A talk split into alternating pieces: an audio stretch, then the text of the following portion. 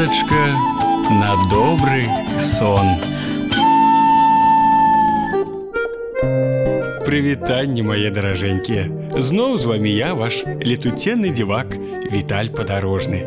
Сёння я распавяду вам займальную і павучальную гісторыйку Алены Джамбер пра чуллівы чайнік. Заплюшчвайце вочки і хадзем са мной у краіну выдумак і ўяўлення. Жыў ды быў чайнік. Так так, самы сапраўдны чайнік. Пузаты, белы, з ручкай, накрыўкай і носікам. І быў бы ён самым звычайным, калі б не адна яго цудоўная адметнасць. Ён на носе насіў не, не акуляры, свісток. І за гэта яго вельмі любілі. У гаспадара часта збіраліся госці, яны прыходзілі пагутарыць, паспрачацца і абавязкова чайку папіць. Чайніку вельмі падабаліся такія вечарыны.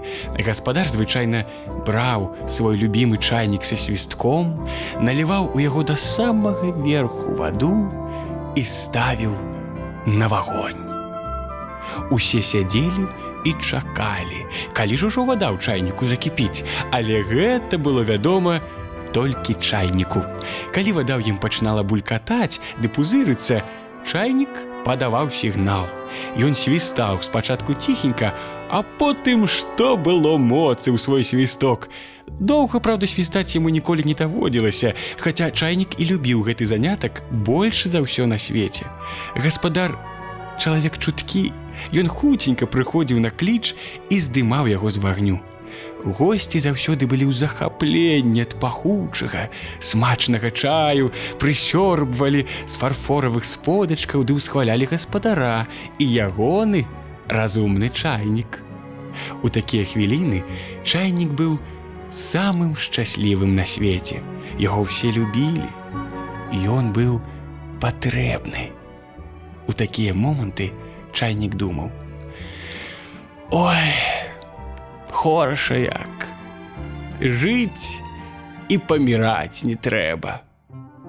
Аднойчы, калі ў доме зноўку былі госці і чайнік ужо закіпаў, у гасцёўні не на жарт разгарэлася спрэчка.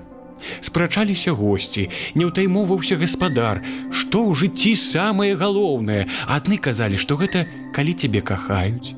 Іншыя сцвярджалі, што гэта, калі ты кахаеш сам. Усе спрачаліся, звялі з панталыку адзін аднаго і ніяк не маглі вырашыць. Калі ж надыходзіць сапраўднае шчасце. Спрэчка была вельмі гарачай. Але ж гарачэй за ўсё было чайніку. На яго ўсе забыліся, Ён свістаў, свістаў, успатнеў, запарыўся, клікаў усё да пліты гаспадара, але той не чуў яго.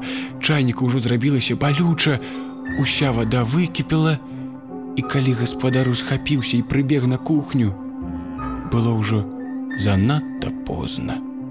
Чайнік пачарнеў, закурадыміўся і ў ягоным баку прагарэла дзірка. Гаспадар вельмі расстроіўся. Расстроіліся і госці, але нічога не заставалася, як узяць ды выкінуць чайнік на сметнік. Ляжыць цяпер чайнік на кучы смецця нікому ён цяпер не патрэбны. Ніколі ўжо больш яму не давядзецца свістаць і паіць каго-небудзь чаем. Ах, чым так жыць, лепей утапіцца. Буркнуў ён сам сабе пад нос, ты пайшоў да ракі. Пакуль чайнік дайшоў, надышла ноч. У рацэ ён пабачыў адлюстраванні зорак і круглашчокага месяца. Раптам чайніку падалося, што месяц падмігнуў яму.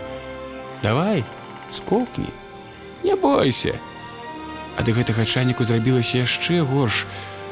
У апошні раз ён бачыў раку, зоркі і холодны месяц. Вось калі б сонікам развітацца, падумаў чайнік.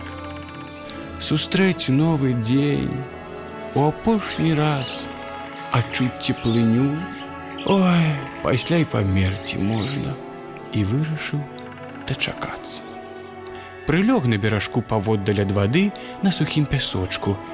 І так яму было крыўдна і шкада сябе, што чайнік ціхенька заплакаў, а потым засапеў, засапеў і не заўважыў, як заснуў. Прачнуўся чайнік ад нейкага дзіўнага, лёгкага адчування ва ўнутры сябе. У ім нешта нешта варушылася. Не, гэта быў не струмень халоднай вады, а нешта зусім дагэтуль незнаёмае, цёплае і жывое. Ты хто? запытаўся чайнік. Я берагавая ластаўка, птушка такая. А што ты тут робіш? Гняздо звіваю, хутка ў мяне будуць дзеткі, маленькія ластавачкі, а тут вельмі зручна, суха і няма скразнякоў. Вось калі яшчэ знайду дзе пер'е мяккай травы, зусім будзе цудоўна. Пруцікі гэта, канешне, добра, разважала ластаўка ўслых, але ж мяккенькі пушок, куды лепш для маіх дзетак. Яна збіралася ўспырхнуць, як чайнік амаль закрычаў: « Чакай! Выходзіць, цяпер я твой дом. Ты будзеш тут жыць, які ты, аднак някемлівы, абурылася ластаўка, схіліўшы вяртлявую чорную галоўку.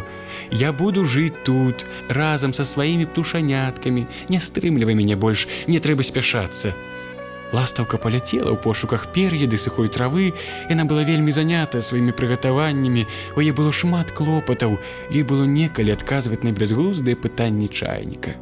Цяпер я дом. Ува мне будуць жыць маленькія птушаняткі.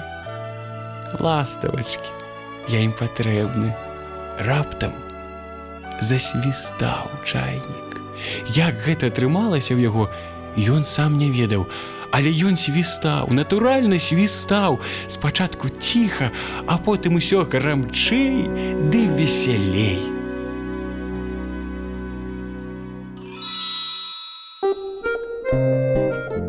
Вось і скончылася моя гісторыя.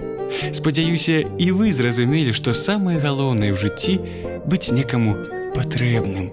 Тады гэтае жыццё робіцца асэнсаваным і радасным. А зараз, заплюшчвайце вочки і добрай вам ночки. А я віталь падарожны развітваюся з вами, каб назбіраць новых дзівосаў на прасторах сусвету.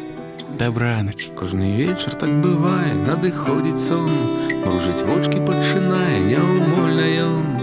Спіце, спіце лялькі, цацкі, спі мой кот Макссім.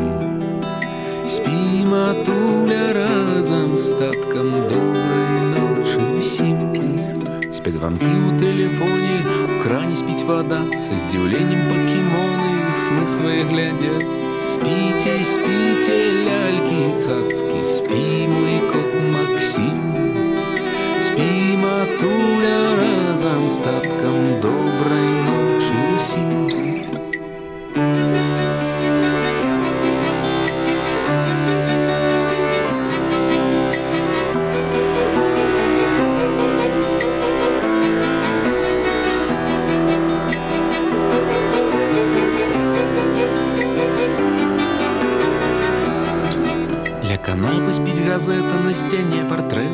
сон пануе непрыкметна паглынуўшы свет.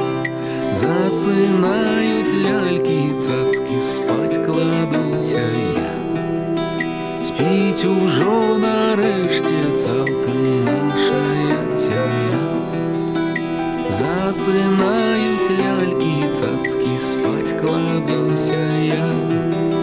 Спіць у